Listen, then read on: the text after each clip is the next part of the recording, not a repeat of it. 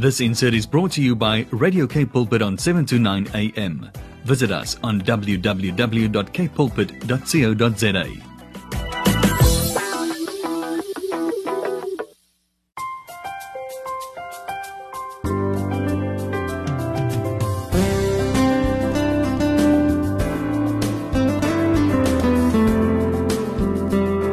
Ons sal die realiteite in die oog moet staar en ons gereed moet kry vir ons leerders om geleidelik weer terug te keer na die skool. Dit is egter makliker gesê as gedaan, luisteraars. Ons kinders kan nie net soos 'n trop skape teruggestuur word na die hokke nie. Hierdie periode van die pandemie, die talle sterftes, maskers, sanitasie en nog vele meer het groot impak ook op ons kinders emosioneel en ook sosiaal. Leerders en opvoeders beleef ontsettend baie angs en hulle voel onseker. So hoe nou gemaak, luisteraars? Vandag selfs ek met 'n opvoedkundige sielkundige wat aan die ouers raad en wenke gaan gee oor hoe ouers hulle kinders kan voorberei om terug te gaan skool toe. Hierdie besonderse en beskeie vroutjie wat ons vandag mee gesels, het haar meestersgraad in opvoedkundige sielkunde aan die Universiteit van Stel- Stellenbosch verwerf en is tans die hoof van die ondersteuningsdienste by 'n privaat skool in Rustenburg in Gauteng. Goeiedag luisteraars. Ek is Melvina Meisen en u is op Kopskyf. Bly ingeskakel op 729 AM Radio Kapse Kansel want net na die breek gesels ek met Giekma Pieterse. Sy is die opvoedkundige sielkundige en ons gaan luister na haar raad en advies oor hoe ouers hulle kinders kan voorberei om terug te keer skool toe. Hier op Kopskyf luisteraars praat ons saam en ons dink saam oor relevante onderwerpe en ons skoolgemeenskappe. Saam met julle almal kan ons 'n verskil maak in ons land want ons by die ATKV glo dat onderwys inderdaad almal se verantwoordelikheid is. Met hierdie program reflekteer ons deur gesprekvoering op onderwys en meer spesifiek op ons onderwysers. Dit is dus jou platform waar die onderwysgeleerders en opvoeders hul wenke, tegnieke, vaardighede en ook al suksesstories kan deel met ander met natuurlik 'n fokus op kreatiewe onderrigstrategieë die huidige knelpunte in die onderwys en om ons opvoeders te ondersteun, die opvoeders te bemoedig en hulle te help om slimmer, wyser en gesonder aksies in hul klas en vir hul persoonlike welstand te kan implementeer. So onderhoude word weekliks gevoer met skoolgemeenskapsrolspelers, prinsipale, ouers, onderwyskundiges, leerders met natuurlik ons hoof fokus die opvoeder. Hierdie is dus die platform waar opvoeders gesien en gehoor gaan word. Welkom terug luisteraars op Kopskyf met my Malwena Meisen. Vandag kuier ek met Giekma Pieterse. Sy het haar meestersgraad in opvoedkundige sielkunde aan die Universiteit van Stellenbosch ontvang en sy is tans die hoof van die ondersteuningsdienste by 'n privaat skool in Rustenburg, dit is in Gauteng provinsie. Goeiedag Giekma en welkom by Kopskyf.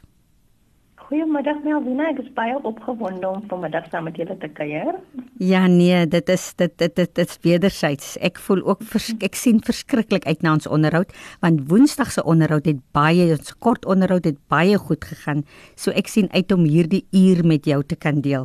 Nou eerstens wil ek hê jy moet vir ons die luisteraars ietsie meer vertel oor jouself en jou pad tot waar jy jou nou bevind. Jy het dit Woensdag gesê, vertel 'n bietjie, maar ons soek nou 'n uh, breedvoerig jou pad uh, uh tot waar jy jou nou bevind en ietsie oor jouself. OK. Ehm uh, ja, Wina, ek kan sê dat ek is Giekma Pieterse. Mm. Ek is nou net meer as 'n jaar getroud, so ek dink meeste mense ken my nog as Giekma Jackson. Mm. Ehm um, ek is van die mooi Wynland distrik gebore in Woester. Mm. Ehm um, ek het weet net vir die langste tyd wou ek nog 'n gesondheidsinspekteur word en mm -hmm. in my matriekjaar kry ek toe 'n beurs by Stellenbosch en ehm um, in die geval van baie ander mense as hulle 'n beurs kry ehm um, dan moedig hulle ouers maar vir hulle aan om te gaan om daar besig is. En ek het toe besluit om Stellenbosch toe te gaan en kon nou nie gesondheidsinspekteur word nie. Hmm. Ehm um, omdat hulle nie dit aangebied het nie, maar ek het toe nou besluit om op kindersielkunde te studeer. Hmm. Maar weet jy, ek vandag voel ek regtig waar is vir my uitgesit. Hmm. Ehm um, want ek het regtig 'n absolute liefde vir wat ek doen. Hmm.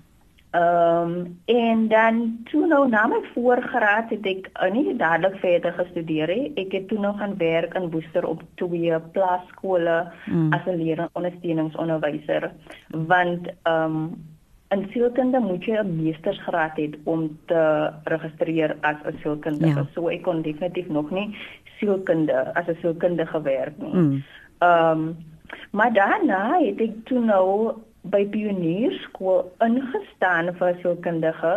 Um, maar ek kon nooit regtig 'n permanente pos as 'n sielkundige kry nie, mm. want ek het nog nie gekwalifiseer as 'n sielkundige nie. So ek ja. het net ingestaan vir sielkundige by pionierskool in Woester in. En daar het ek gewerk in die inklusiewe onderwysspan en ek moet nog al sê ek het verskriklik baie um ondervinding opgedoen daar in die span want saam met my in die span was gewees 'n uh, leerondersteuningsonderwyser ek as die een wat ingestel het vir die sielkundige mm. en dan ook 'n arbeidsterapeut so mm. ons het by 12 verskillende skole gewerk in die tyd um waar ons ons dienste gelewer het en net na dit het ek toe nou via die leerondersteuningspos gevul hmm. by die Alabat skool, maar ook in die inklusiewe onderwysspan. Hmm. My paadjie is bietjie lank, so jammer as ek nou Nee, nee, ons luister graag. hmm. Nou, dit het ek toe um weer ingestaan vir sielkundige en toe die spinnekop gebyt. Mm. um, ek het toe nou besluit maar dit is regtig waar ek eendag wil wees. Mm. Um, ek het toe nou eers my raadseksamen geskryf as beraader en toe het ek gewerk in die Kaap vir 4 jaar as ehm, 'n um, beraader by 'n vaardigheidsskool. Mm. En in die 4 jaar terwyl ek daar gewerk het, het ek ook my meestersgraad toe voltooi. Mm. Ehm um, en toe na my meestersgraad het ek my internskap gedoen by Metro Noord se onderwysdistrik. Ja. Ek het ook 'n kontrakpos daarna aanvaar as die sielkundige by Metro Noord, ehm um, by die distrik Metro Noord. Hmm. En ehm um, soos ek gesê het laas week is ek het toe liefde gevind, besluit om te trou en agter liefde aan te trek. Ja, ja nee, dit is reg, nê? Nee? Agter die liefde aangetrek. Ek hou daarvan. Ja, ja so uh, toe hier, toe ek nou ek kom in Johannesburg het ek tydelike pos by 'n spesiale skool ook aanvaar, maar dit was net tydelik geweest. Mm. Ek het toe nou aansoek gedoen oral en toe ek weer gekry waar ek myself nou bevind in Rustenburg in spesifiek King. Mm. Dink jy baie mense weet wat King is, maar King mm. werk ek by 'n spesiale skool as die hoof van die ondersteuningsdienste by mm. by die private skool waar by ek werk nou. Mm. Ja. Mm. En hoe hoe hoe geniet jy jou vrye tyd? Wat doen jy in jou vrye tyd, jou stokperdjies en jy en jou geliefde? weet jy nee, almal wat vir my ken weet seker toe ek begin te uitgaan met my um, man wat ek wat ek mm. nou mee getroud is, mm. het hy my so 'n bietjie aangesteek met die wat ons draf en ons gaan hike by die ja. op naweke so hy is baie gesondheidsbewus. Ja. Ek dink ek het, ek het maar net ingesluit en nou probeer ek ook maar. Okay. Um, om okay. gereeld ja, oefening te doen en te gaan stap en ja. Dit is baie goed. Ek hoop net julle kan vir my ook aanspoor om daai gesonde leefwyse te begin. Ja.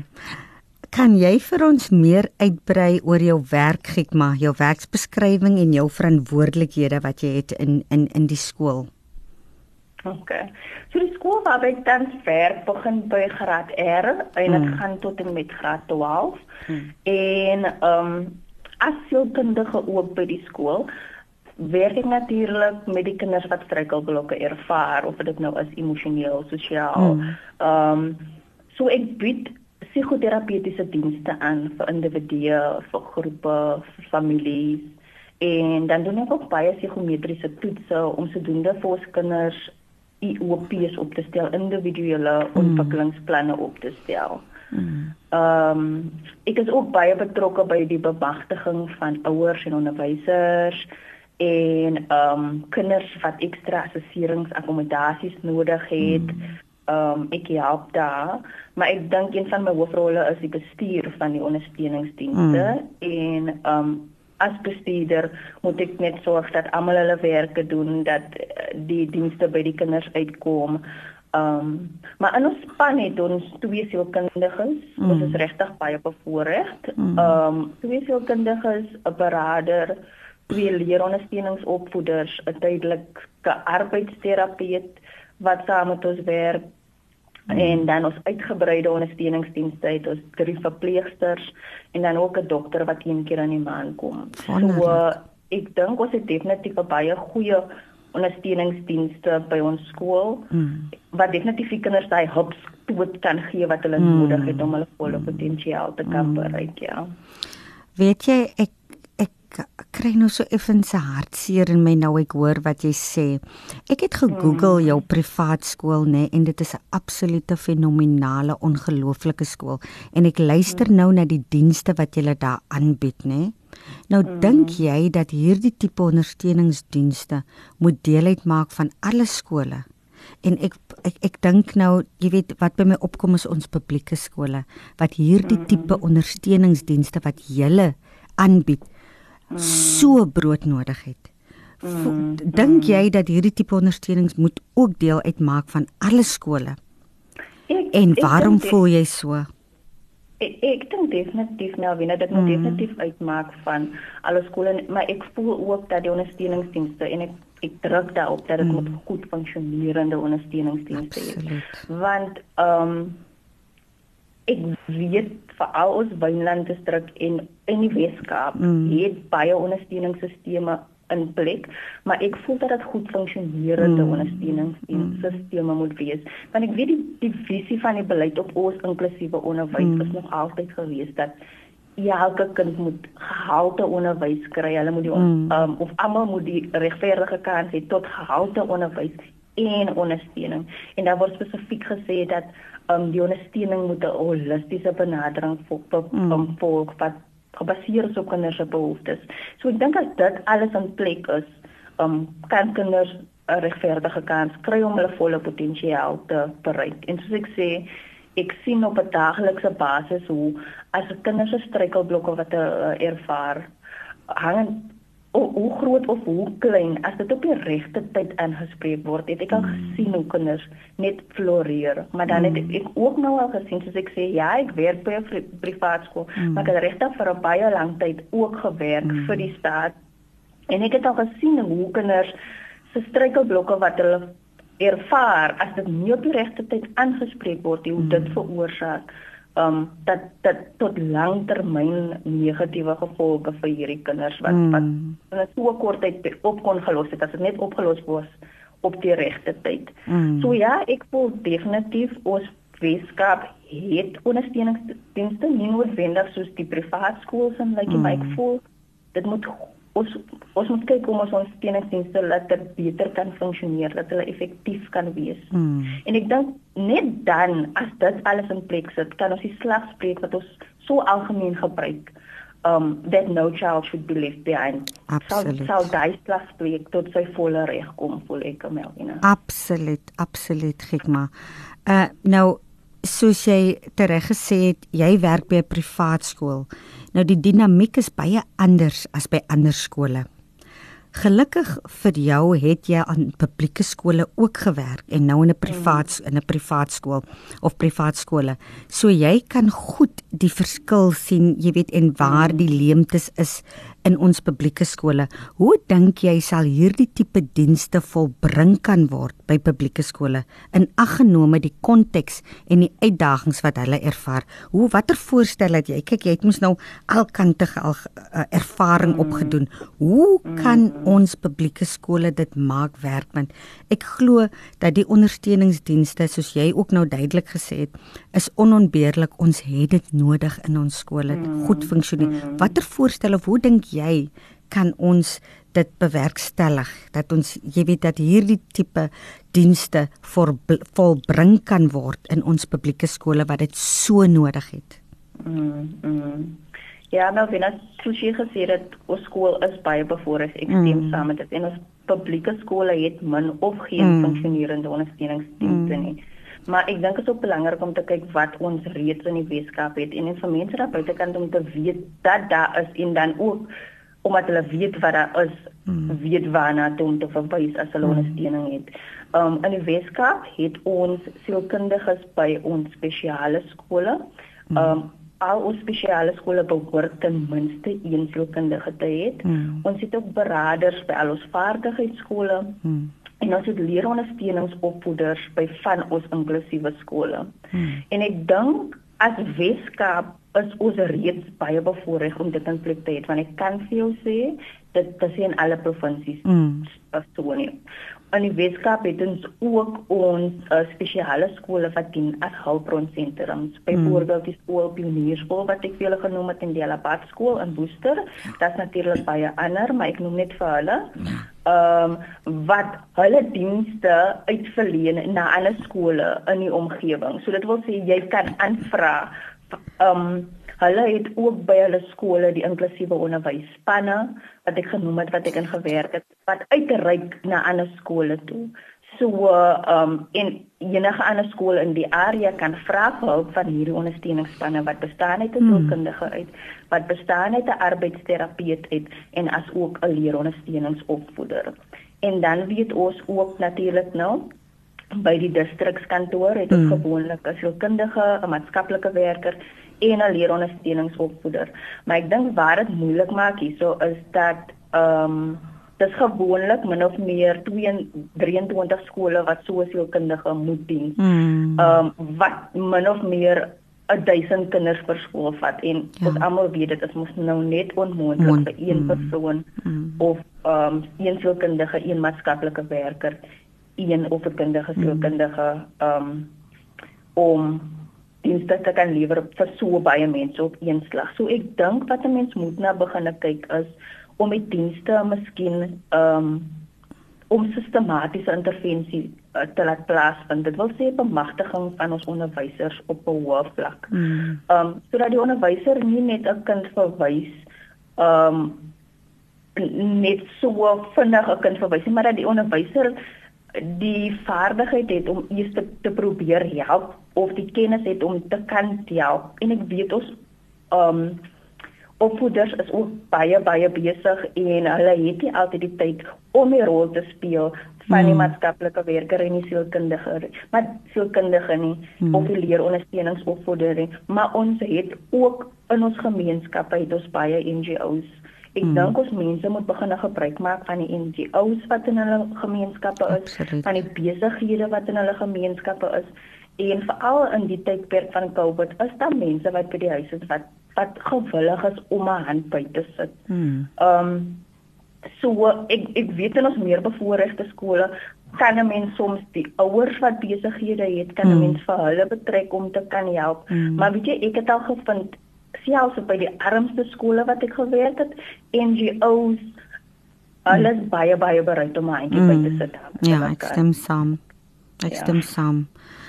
Luisteraars bly ingeskakel op 729 AM Radio Kapse Kansel op die program Kopskyf waar ons net na die breek weer verder gaan gesels met Gietma Pieterse, sy's 'n opvoedkundige sielkundige, sielkundige en in die onderwys. So bly ingeskakel luisteraars. Welkom terug luisteraars by Kopskyf met my Malwena Meisen. Ek kuier vandag met 'n absolute fenominale klein fyn dametjie wat definitief 'n storie ken in die onderwys. Dit is Giekma Pieterse en ons gesels oor 'n baie belangrike onderwerp: hoe ouers hulle kinders moet voorberei om terug te gaan skool toe. Giekma, jy het sielkundige gestudeer in opvoedkunde. Vertel ons wat ons kinders, die leerders, ons leerders tans ervaar as hulkundige. Wat hoe wat gaan in die gemoedere aan van ons kinders? Wat gaan in hulle gedagtes aan en hoe ervaar hulle die pandemie? Uh die dit dit wat hulle in die media sien en lees en hoor. Uh hoe hoe jy as hulkundige ver, verduidelik vir die ouers hoe ons kinders, hoe ons arme leerders hierdie periode ervaar? Hmm. Melvina, ehm um, weet jy vanuit my ervaring het ek al definitief agtergekom dat dit verskil van kind tot kind. hmm. die kindsomgewing, hulle omstandighede waaraan hulle blootgestel word en dan definitief ook 'n kind se veerkragtigheid um is al die aspekte wat 'n invloed het of 'n impak het op hoe elke kind die pandemie ervaar. Hmm. Maar oor die algemeen kan ek definitief sê dat baie van ons kinders ervaar verskriklike baie angs, hmm. baie van ons kinders ervaar vrees. Um maar dit maar dit is ook normaal vir ons kinders om nou angstig en en vrees te ervaar hmm. want die pandemie affekteer alle aspekte van hulle lewe. Um ek vind ook dat kinders baie keer baie bang is dat hulle gaan siek word, maar jy meer so hulle is meer bang baie keer dat hulle oumas of hulle oupas gaan siek word mm. as wat hulle eintlik is oor hulle self. Mm. Um ek dink ook baie van ons ouer kinders, hulle ervaar beskruklike baie stres omdat hulle nou al op daai stadium is wat hulle al drome gehad het vir ja. wat doen ek na skool, alles matriek. Mm ehm um, ons matriek matriek en ons self weet ons klaar is 'n stresvolle jaar om nou nog alles wat hierdie jaar gebeur het by dit te sit dit is 'n baie dit is baie baie stresvol kinders is bekommerd of hulle die skooljaar gaan klaarmaak baie kinders is bekommerd of hulle actually gaan slaag hierdie jaar sodat definitief baie onsekerheid hmm. ehm um, ons kinders is ook baie afgesonder dit is nie natuurlik vir mense om te lewe so afgesonderd soos mm. ons nou verplig is om te lewe nie. So mm. ehm um, ja, kinders is baie afgesonderd. Baie kinders is bang vir die onbekende en die mm. onvoorspelbaarheid van hierdie tye. Mm. En ek dink wat die kinders sien en hoor is hang af van wat ouers voor hulle praat en ja. ek sal tog vir ouers vra om baie versigtig te wees veral met klein kinders hmm. wat jy hulle praat voor hierdie kinders. Hmm. Dit hang ook af wat die kinders op die TV sien of op die sosiale netwerke waarna hulle blootgestel is. Hmm. Um maar ek dink ook dit is dit dit plaas 'n groot verantwoordelikheid op die ouer om die kinders in te lig oor wat aangaan. Hmm. En as jy jou kind inlig oor wat aangaan, maak seker dat die inligting wat jy het kom nie van valse bronne af nie want daar is hmm. baie bronne daar buite kan wat nie so ehm um, vertroubaar is nie. So hmm. eerstens as jy die inligting wat jy gee oorgie aan jou kind ehm um, sorg dat dit van 'n vertroubare bron afkom. Probeer om so eerlik as moontlik hmm. met jou kind te wees en verduidelik wat jy wil verduidelik vir jou kind op 'n vlak wat jou kind kan verstaan. Hmm. Ehm um, ek dink as jy net gaan toelaat dat die media en die sosiale uh, netwerke wat jou kind aan blootgestel word bepaal hoe jou kind ek meen jy kan nie net toelaat dat hierdie bronne bepaal hoe jou kind die pandemie ervaar nie. Hmm. En ek dink ek dink ouers dis kom ek sê die program is spesifiek vir ouers want ek dink ouers hmm. sukkel um, hulle het 'n bietjie leiding nodig en hmm. ek sal vir ouers sê antwoord die vrae wat jou kind vir jou gee so eerlik as wat jy kan. Mm. Moenie te veel inligting gee vir ons jonger kinders. Jy volg jou kind se leiding en dit wat ek bedoel as ek sê verduidelik op die kind wat 'n vlak op 'n vlak wat jou kind kan verstaan. Mm. So volg die kind se leiding en weet jy as jou kind nou nie in diepte inligting wil weet nie, dan mm. is dit ook oké. Okay. Mm. Maar ek mm. dink wat belangrik is is as jy met jou kind praat, wees eerlik. Sorg dat jy kalm is as jy jou kind verduidelik. Ehm um, en en sê vir hulle is normaal as hulle nou 'n bietjie gestres voel ja. want daar's baie kinders daar buitekant wat wat wat regtig waar gestres voel. Hmm. Maar die meel wie nou baie dink, baie regtig dink um, of Suid-Afrikaanse kinders spesifiek hmm. baie swaar dra aan die gevolge van die pandemie is omdat baie van ons ouers nou op die oomblik ontslaan word van ja. hulle werk, so mm. die geld word ja. min ja. en baie van ons kinders gaan slaap honger en mm. wat hulle nou selfs meer vatbaar maak vir um, um COVID-19. Mm. So uh, maar dan wil ek ook hê ons moet die oog uit verloor. Baie van ons kinders is verskriklik baie veerkragtig. Mm. Um baie van ons kinders is nou al terughal en ek het net gesien hoe kinders net uitstyg hoe hulle omstandighede. Mm. Ehm mm. um, nie net ons kinders nie, by die privaat skool nie, maar ook by ander skole hoe kinders net uitstyg bo als wat nou aangaan rondom hulle. Ja, ja. Nou mm. leerders was nou vir 'n hele aantal maande hulle mos nou tuis. Okay, die graad. Daar was sekere grade wat terug wat terug skool toe was, maar hulle is weer onttrek van die skole af. Dit kan nou mm. ook nou die leerders wat nou al so lank tuis is, vir maande al tuis is. Dit kan ook baie uh vir hulle beïnvloed. Die lang periode tuis wees. Ek verwys nou spesifiek na lei lei word. As 'n mens, jy weet, vir maande sit en en dan kan jy baie lei, jy weet soos ons in Engels sê, in daai comfort zone, in die gemaksone kan jy ingaan. Uh, en jou rotine is mos nou geaffekteer. Jy weet daar's mos nou meer geen die rotine van skool toe gaan en nie. Nou watter effek kan sulke lang periodes van tuisbly op ons leerders het? Ek wil nou jy moet spesifiek nou praat met die ouers. Hulle is mos nou lang periodes by die huis. Daar's die rotine van skool toe en so aan is mos nou nie meer daar nie. So wat watter effek kan sulke lang periodes van tuisbly op die ouers het? Op die leerders het? Ek dink die die lang periodes van tuisbly maak definitief baie van ons kinders lui. Mm. Ehm um, en ek dink dit maak ons kinders lui omdat veral dan nie rotine is nie. Mm. By die huise nie. En ek mm. sê nie dit is by elke huis so mm. nie. Maar meeste van ons kinders raak baie baie erg gelei en ek ek sien dit aan ons kinders wat teruggekom het as daar geen rotine was by die skool. Mm.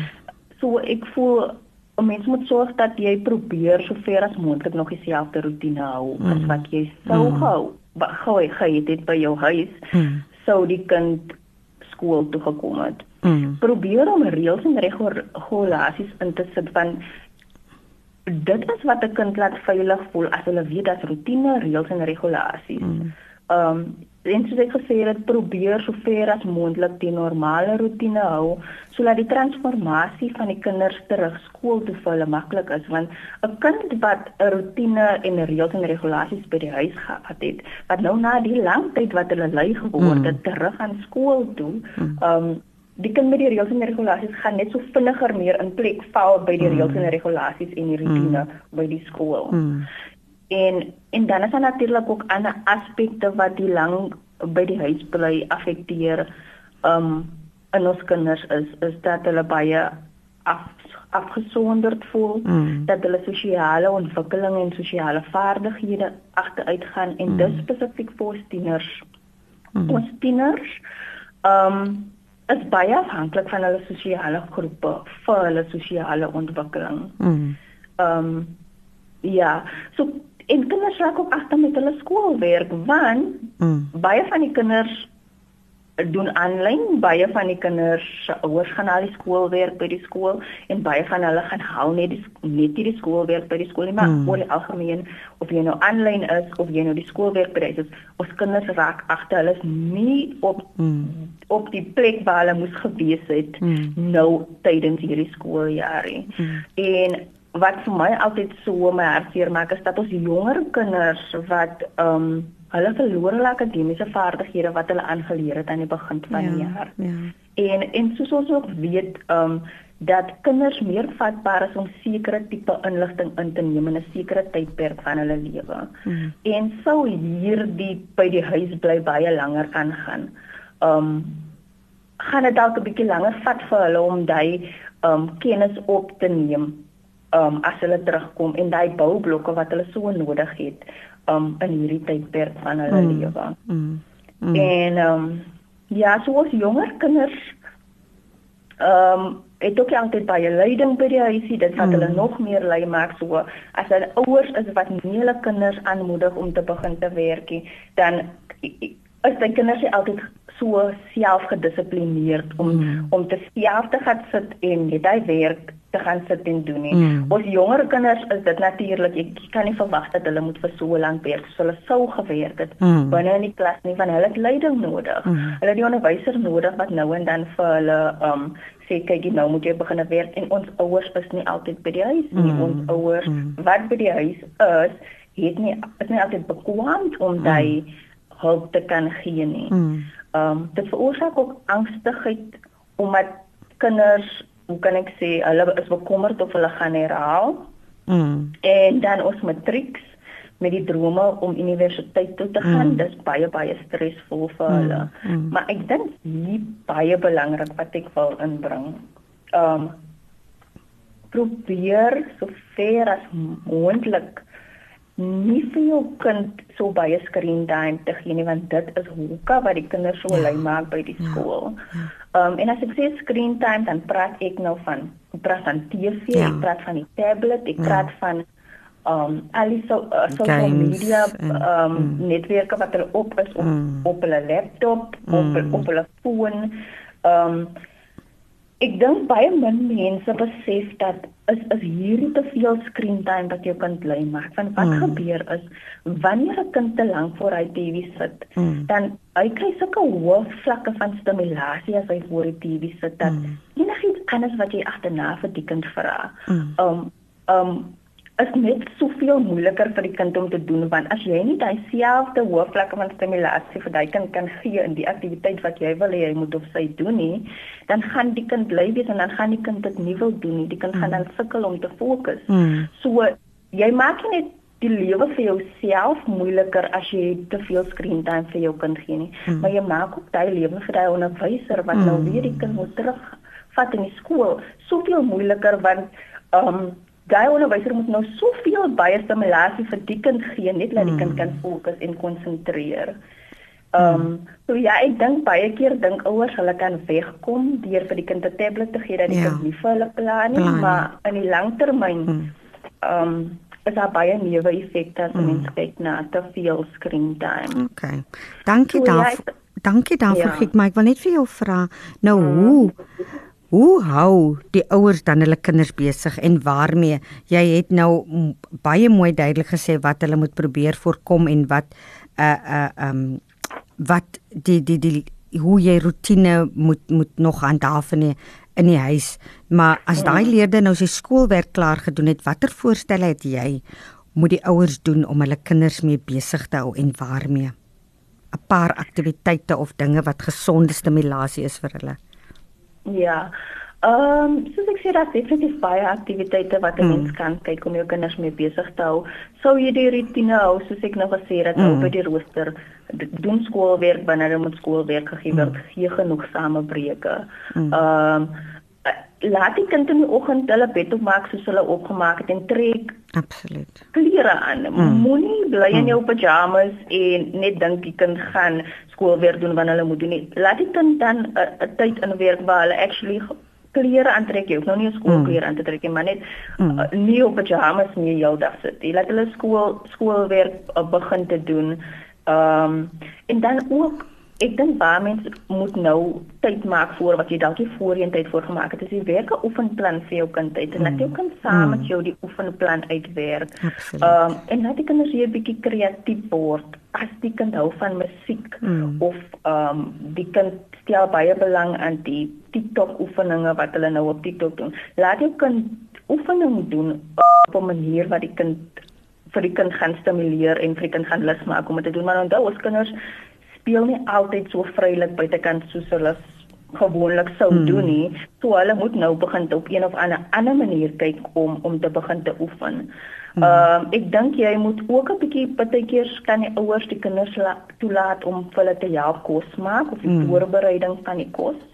Dan moet natuurlik vryspel wees as daar plek is vir die kind veilig is om waar dit veilig is vir die kind om te speel. Mm. Maar ek dink is belangrik dat daar balans is tussen die vryspel, die oefening en die skoolwerk en die screen time want ek sien dat screen time heeltemal weggehaal moet word nie maar ek meen um, 'n mens kan 'n klein rukkie tyd gee vir screen time. Mm. En ek dink dan is dit ook maar net van die ouers af om kreatief te word deur legkaarte, mm. ou bordspelletjies uit te haal um, om 'n bietjie te gaan stap of te gaan fietsry met die kinders, weer terug te gaan om miskien stories te begin te vertel of te luister na die radio wat ons ja. definitief nou meer doen in hierdie tyd. Ehm um, ja. maar ek meen as enige iemand ooit sou sukkel of nie weet wat om te doen nie, daar's Google, jy tik letterlik Google mm. en activities to do during lockdown. Mm.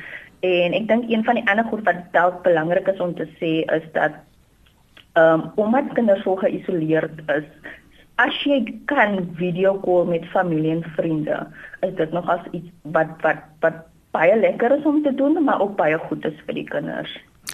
Ouers, dit is baie goeie raad wat Gekma Pieterse, opvoedkundige sielkundige vir ons gee. Ek hoop u luister na al haar raad en advies. Bly ingeskakel op 729 AM Radio Kaapse Kansel met my Melvina Meisen.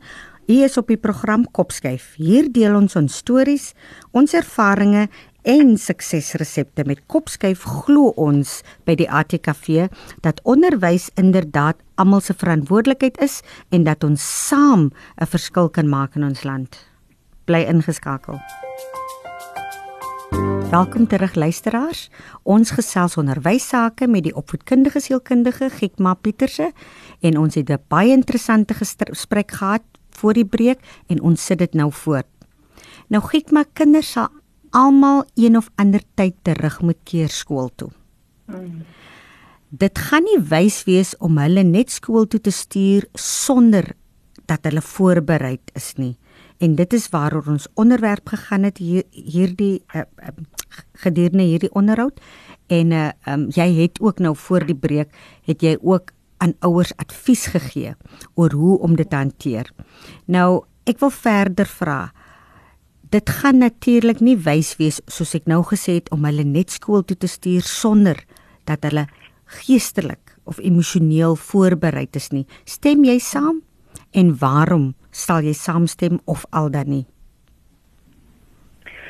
Ek stem definitief saam. Um die ons kinders moet voorberei word. Ons kinders, ons ouers moet daai bietjie moeite insit om vir die kinders te verduidelik of hulle bewus te maak van wat gaan verander by die skool? Hmm. Hoe gaan dit verander by die skool? Hoe gaan hulle moet optree by die skool en dan dit ook te oefen by die huis? Um ek dink dit sal net jou kind help dat jou kind emosioneel gereed is sou die kind teruggaan. Hmm. Hmm. Nou en nou kan jy raad gee aan die ouers hoe hulle jy het ja. nou al voor die breek het jy al vir hulle genoem ek wil jy spesifiek jy moet nou vir hulle punsgewys raad hmm. gee oor wat hulle moet nou definitief na omskien voor hulle kinders skool toe terugstuur. OK, ek dink wat wat wat ouers moet doen en ek gaan begin by die jonger kinders. Mm. Ons almal het nou al oral geleer van jou maskers wat jy moet opsit. Maar ek dink waar dit belangrik is vir jou kind vir jou klein vir jou klein kinders spesifiek is, jy moet jou kind wys hoe om my masker op te sit. Jy kan nie net verwag dat die kind nou vir die eerste keer moet skool toe gaan na 'n lang tyd en die kind gaan sommer gemaklik wees met die eerste masker wat die kind opsit nie. Hmm. En ek weet binne in jou huis self sit jy net elke masker op nie. So die kind het nooit eintlik tyd gehad om te oefen met daai masker aan nie. Mm. So ek dink dit is belangrik vir jou kind om te oefen met verskillende maskers aan mm. sodat hulle kan gewoon trek aan. Mm. Um by die skool as die kinders terugkom, dan gaan dit van hulle verwag word dat hulle heeldag hulle masker moet aan hê. Mm. So as hy jou kind nou nog nie geoefen het by die huis, dan gaan dit vir jou kind ontsettend baie moeilik wees. Die kind gaan heeltyd beter mm. aan die aan die masker um, om maar die kind die gewoonte aan is. Maar as jy oefen by die huis kan jy nou kyk watter een pas baie goed vir die kind mm. en dan kry vir die kind dan maskers wat goed aan hom sit dat hulle nie hoef te beter nie. Mm. En as die kind nou beter by die huis is dit so ontsettend belangrik om om om nie op die kind te skree nie. Mm. Want sodra jy begin te skree op die kind elke keer as die kind beter aan die masker sit jy 'n negatiewe konnotasie aan mm. om masker te dra en ons wil ook dit hê nie. Mm. Ehm um, en met die met jou hande was, ek dink maak dit 'n instelling by die huis. Uh, ons baie van ons kleiner kinders, hulle het nog gehoor hulle moet hulle hande was, maar jy kan sommer baie duidelik sien met die kinders wat teruggekom het, wie dit actually geoefen by die huis, mm. want as hulle volg natuurlik net gaan hulle na die kraan om hulle hande te was. En ons kinders, jy kan nie net vir ons kinders sê 20 sekondes aan een nie. Was jou hande 20 sekondes, dat hulle kan voel hoe lank mm. is 20 sekondes. Mm. En dan ook met jou sosiale distansiering, dinge gaan baie baie verskillend wees en en van die dinge wat verander wat ek nou vir u gaan noem, mag hmm. dalk by u kind se skool so so wees, maar dit verskil ook soms 'n bietjie van skool tot skool. Maar om um, lig jou kind in van die dinge wat gaan verander, soos byvoorbeeld sê vir jou kind, jou kind gaan nou nie meer net op die skoolgrond kan speel nie um, met al die maatjies tydens pouse nie. Sê jy jou mm. kind jou kind gaan nie meer kan drukkies en high fives gee nie. En weet jy dis dis dis hartseer om as kindertjies so te sien mm. dat is natuurlik mm. is om om om te wil vir jou maatjie wanneer hulle jy vir hulle vir 'n lang tyd laat gesien het 'n drukkie te gee. Mm. Um en en dit kan nie meer gebeur nie. So vir kleiner kinders wys ook vir hulle hoe ver is is is 1 en 'n half meter tot 2 meter ver van jou maatjie af. Ehm um, wat ook soms vir die kinders of ek vind hier by ons skool moeilik is is ehm um, tydens pauses is almal die maatjies op die op die skoolgrond. Die baie van die skole wat hulle doen is hulle gee pauses in breuke. Byvoorbeeld 10 uur het 'n halwe van die klas 'n mm. pause en ja vir die ander helfte van die klas pause. So mm. al maatjies gaan nou nie meer buitekant wees gelyktydig nie. Mm. Ehm mm. um, ek voel ook is belangrik om vir jou kinders te sê dat klimrame, sokkerballe en speelgoed binne die klas dit dit gaan nou buite perke wees vir, vir die kinders. Ehm um, mm. en daai is ook iets wat wat moeilik is vir kinders mm. om te aanpas. Ag nee. Ehm um, Ja, so ek dink soos ek gesê het, dit is natuurlik vir mense om fisiese kontak te maak. So vir ons kinders, vir al groot mm. mense, jy jy kan hom nog vir self keer, maar vir kinders is dit natuurlik hulle gaan wil hulle maatjies druk, hulle gaan mm. wil ehm um, fisiese kontak maak. So oefen dit by die huis. Ehm um, sê ook vir jou kinders dat in die klas die banke gaan nou verder uit mekaar uitgeskei word. Jy gaan nie meer sport, musiek en kulturele aktiwiteite mm. doen nie. Ek dink vir jou ouer kinders moet jy vir hulle inlig dat uh matriekafskeid moontlik dalk nie meer gaan plaasvind nie. Hmm. Maar ek moet sê baie van ons skole het regtig COVID-19 embrace en hulle gesê bietjie, maar ons kan 'n virtuele matriekafskeid hê. Hmm. Um so uh, ek dink is baie belangrik om soms net te embrace as wat jy wil klaar oor 'n hmm. matriekafskeid wat nie gaan plaasvind nie. Hmm. Ehm um, so definitief baie dinge wat aangemoedig was aan ons kinders en ons kleinkinders om te deel met ander mense gaan ook nou nie meer. Mm. Jy gaan nie meer dit kan doen nie. So jy moet maar vir jou kind verduidelik bietjie jy dit is wat vriendelikheid is, dit is wat verdraagsaamheid is. Hmm. Ehm um, baie van ons skole se gedragskodes het verander. Ehm um, mm. baie van die skole se het hulle skool het nou vir kinders toegelaat sou hulle nie genoeg skoolklere het om elke dag 'n nuwe paar skoolklere aan te trek. Jy kan hulle gewone klere aantrek. Hmm. Ehm um, dis nie by alle skole so nie, maar ek noem maar dit dit gebeur by ons mm. skool en dit help kinders ehm um, wat nie dalk vyf paar skoolklere het om mm. elke dag 'n nuwe paar skoolklere aan te trek nie. Mm. En dan wys vir jou kind hoe om sy elmboog of haar elmboog te buig. Ehm um, wanneer hulle wanneer hulle lees of wanneer hulle hoes. Mm. En wees ook ferm met jou kind. Wees ferm met jou kind en sê vir jou kind dat as jy skool toe kom en iemand het genies en te hoes, mm. om nie stories te versprei dat die mm. kind COVID-19 is. Mm. Want ek gaan vir jou sê, ek het nou al gesien op skole en ek sê nie dit is noodwendig by my skool mm. gebeur nie. Mm. maar ek het al gehoor by baie skole dat kinders maak stories op en dan lei dit tot baie groot probleme mm. vir die mm. onderwysers. Mm. Ehm mm. um, so onderwys ouers maak gereeld kontak met jou onderwysers. Ehm um, mm. lig hulle in oor die welstand van jou kind um en maak ook gereeld tyd op 'n daglikse basis om vir jou kind 'n geleentheid te gee om te praat oor hoe hulle voel in 'n hmm. veilige omgewing. Hmm. En ek dink as jy so jou kind kan voorberei, um sal dit 'n definitiewe groot impak maak op hulle transformasie en hulle emosionele gereedheid hmm. om terug te gaan skool toe. Hmm. Ja. Gekma, dink jy dit is belangrik dat ouers ook die redes moet gee waarom die dinge so gedoen moet word? Ja, waarom hulle maskers dra? Waarom hulle hulle handjies moet was? Ja, ek ek ek stem definitief saam met jou. Die ou die ouers moet vir veral vir die ouer ouer kinders, die ouer mm. kinders het natuurlik baie meer vrae as wat die jonger mm. kinders het. Um om vir hulle te verstaan, ek dink as 'n mens verstaan hoekom jy moet doen wat Precies. jy doen, is dit net makliker om dit te doen. So ja, ek stem definitief saam met jou. En wat wat sal jy voorstel vir ouers wat self nie goed daarin is om om hierdie tipe dinge te verduidelik aan die kind die redes nie want jy weet deesdae as ons kinders is meer ingelig as wat ons ouers self is. Wat wat stel jy dan voor met ouers doen as hulle nie die antwoorde het vir die kinders oor wat is COVID en hoekom mag hulle nie mekaar druk nie en hoekom mag moet hulle maskers aansit? Wat sal jy voorstel aan die ouers wat wat daai nodige kennis ontbreek om hulle kinders die inligting uh, of die korrekte inligting te verskaf? Hmm. Ek ek dink dit is belangrik om te dink aan waar kan jy nog inligting kry? Mm uh jy moet sorg dat jy die regte inligting kry en ek weet daar's baie platforms daar buitekant hmm. wat hulle op die TV gereeld adverteer. Ek weet die uh, World Health Organization is daar.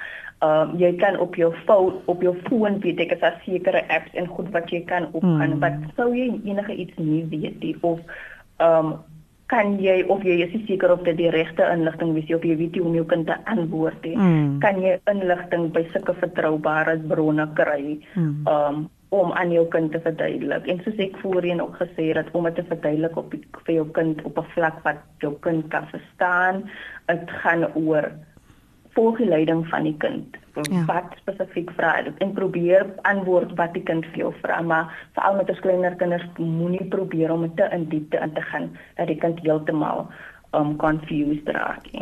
Absoluut. En dan oor jy kry mos gek maar jy sal wat as sielkundige sal seker nou weet waarna ek verwys. In die lewe kry jy mos maar natuurlike negatiewe mense. Jy sit 'n halwe glas water en sien hulle dit half leeg eerder as half vol. Wat sal jy sê aan die ouers wat wat jy weet daai negativiteit net oor hulle het, wat hy swartgalligheid oor hulle het, wat jy weet die uh, loop die wêreld is besig om tot 'n einde te kom. Ons kyk hoeveel mense dood ons jy weet daai um, mense wat dit so intens en net die negatiewe sit. Wat se raad het jy vir daardie tipe ouers? Want jy weet daai negativiteit speel speel af op die, op die kinders ook. Wat sal jy vir hmm. hulle sê? Ja, ek stem definitief saam met jou dat die negativiteit afsmeer op die kinders. Mm. Dis kom ek voorheen ook gesê dit is so belangrik wat jy vir jou kind sê, mm. hoe jy vir jou kind praat. As jy met jou jou um buurvrou of buurman praat oor die deur, um kyk waar jou kind as jy hierdie goedes praat want mm. kinders ervaar dinge nie noodwendig op op dieselfde manier wat jy dit ervaar en sou jy net negativiteit mm. of negativiteit voel en jou kinders hulle tel dit op, verstaan jy? Ja. En ek dink wat belangrik is en ek wat ek sal graag wil hê mense moet verstaan is om die situasie te embrace. En ek sê embrace dit omdat ons weet nie vir hoe lank dit nou nog aangaan nie. Verstaan? Mm. Om heeltyd te veg teen dit en vir ouers om heeltyd te kla oor die skole is nie reg nie. Dit is 'n plek. Ek dink ons is nou mm. met tannie wat ons nou begin nou moet iets doen as wiewe jy is of jy nou 'n onderwyser is of jy jy gaan alself moet begin iets doen en begin aanvaar wat besig is om aan te gaan net vir die blote feit dat ons weet nie hoe lank dit gaan aanweer nie ons weet nog nie of daar 'n kiewe is nie so ons gaan maniere moet kry om rondom dit te werk of eerder beter word om saam met die die die virus te werk as eerder as teen dit en ek dink as ons daai stap hmm. um kan kan volg en ons en ons self in daai mindset sit, dan sal dit baie makliker wees om die positiewe te sien want ek het nou baie negatief neuwe goed gesê, mm. maar daar is ook baie positiewe mm. in dit in. Mm. Onderlynde positief positiewe in baie gevalle. Absoluut. Ek dink dit is belangrik dat ons probeer om te kyk na die positiewe ook. Absoluut, Gikma. Gikma, ek gesels so lekker met jou, maar ons tyd het uitgeloop maar ek wil graag soos my gewoonte gaan ek 'n laaste vragie aan jou ook stel. Indien jy Giekma Pieterse met die minister van basiese onderwys Angie Motshega en die president Cyril Ramaphosa nou om een tafel sou gesit het, wat sou jy as opvoedkundige sielkundige wat natuurlik oor 'n spektrum van verskillende skole uh, uh, gewerk het al aan die twee persone wil oordra met spesifieke verwysing na ons onderwerp wat ons vandag het. Wel, uh, weet jy, ek sal definitief sê dankie vir wat reeds gedoen is. Ek mm. ek weet baie van ons mense kla en hulle hulle sê hulle kan sien niks word gedoen nie, maar ek dink daar's baie wat gedoen word en in plek gesit word op die oomblik wat ons mense nie van bewus is is. Mm -hmm. So ek sal 'n kleintjie op hulle skouer mm hulle gee. Ons probeer mm en selfs met my in die skool kom ek definitief agter dat 'n mens probeer maar wat jy kan en jy probeer regte jou bes. So ek sal vir hulle bly begin hmm. daar, maar ek sal sê kom ons bou voort. Ek sal sê ehm um, met alles wat julle nou in plek sit en die ondersteuning, laat ons voortbou op dit. Laat ons hmm. aangaan met die bemagtiging en ondersteuning van skole. Want nou kom ons ook natuurlik baie agter dat daar skole is wat nie eers die basiese fasiliteite het hmm. wat ons nodig het, soos 'n toilet of running hmm. water nie. Hmm. Ehm um, en ek sal sê baie skole gebruik die geleentheid om om om om um om dan nou hierdie goed te kry wat nog nooit in plek was nie. Maar spesifiek as ons nou kyk na my onderwerp waaroor ek mm. vandag praat, mm. sal ek sê miskien moet ons begin kyk of kan ons begin kyk na die bemagtiging van ons ouers ook. Mm. Want ek dink mm. ons ouers sit by die huise en hulle is nou oorgelaat om 'n onderwyser op te wees en ons baie van ons ouers ehm um, hulle is nie bekwam om dit te kan doen nie. Ehm um, baie van ons ouers ehm um, is nie is in het nie 'n beroep as hulle het 'n beroep as 'n onderwyser, hulle kan 'n mm. tipe beroep, so hulle weet nie hoe om hulle kinders te help nie. En ek weet daar's verskillende TV-kanale wat vir kinders help, mm. maar kan dan nie net dalk iets op die TV wees. Ek ek mm. probeer nou mm. ryk na 'n droom, né? Mm. iets op die TV wees om 'n bietjie vir ons ouers ook te bemagtig. Ek stem ek saam. Ek kan vra hulle daarvoor vra. Ek stem 100% saam, Gikma. Daar is nog nie so iets op op op TV nie. Mm. Op jy weet in die mm. media daar buite om ons opvoeders te bemagtig nie. Ja. Mm. So baie baie dankie hiervoor. As ons as ouers luisteraars het 'n verantwoordelikheid teenoor ons samelewing en ons kinders om ons bydrae te lewer as verantwoordelike landsburgers tot die uitbou van ons land op alle vlakke. Jou kind is dus jou primêre verantwoordelikheid ouer. So dissipline en instruksies wat jy aan hulle moet oordra in julle huishoudings vorm die basis van ouer wees. En ek sluit af met die volgende woorde, soos skryf in Spreuke 13 vers 24: Wie sy seun nie straf nie, het hom nie lief nie. As hy hom liefhet, sal hy hom straf wanneer dit nodig is. Ek wil vir jou Giekma Pieterse, opvoedkundige sielkundige, baie baie dankie sê vir jou absolute insgewende, waardevolle gesprek en advies wat jy vir ons en ook ons ouers gegee het. Jy getuig werklik van 'n dametjie met jy's klein en fyn, maar jy getuig van iemand wat wat die wêreld se kennis het. Ek wens jou alle seënwense toe en ek vra dat jy sal voortbou met vuur en vlam om groot verskille te maak in ons samelewing. Jy het die die die die die kapasiteit, die intellektuele vermoë en die geaardheid om groot skuwe in ons land te maak en ek ek sal uitkyk vir jou op jou pad op die leer wat jy gaan klim tot bo. Dankie Melvina. uh luisteraars, dit was Kopskyf met my Melvina Meisen. Sluit gerus aan by ons elke Saterdag tussen 4 en 5 op 729 AM. Dit is nou hier op Radio Kaapse Kansel waar ons onderwys sake gesels want ons by die ATKV glo dat onderwys is inderdaad almal se verantwoordelikheid. Totsiens dan Gikma en totsiens luisteraars. Totsiens.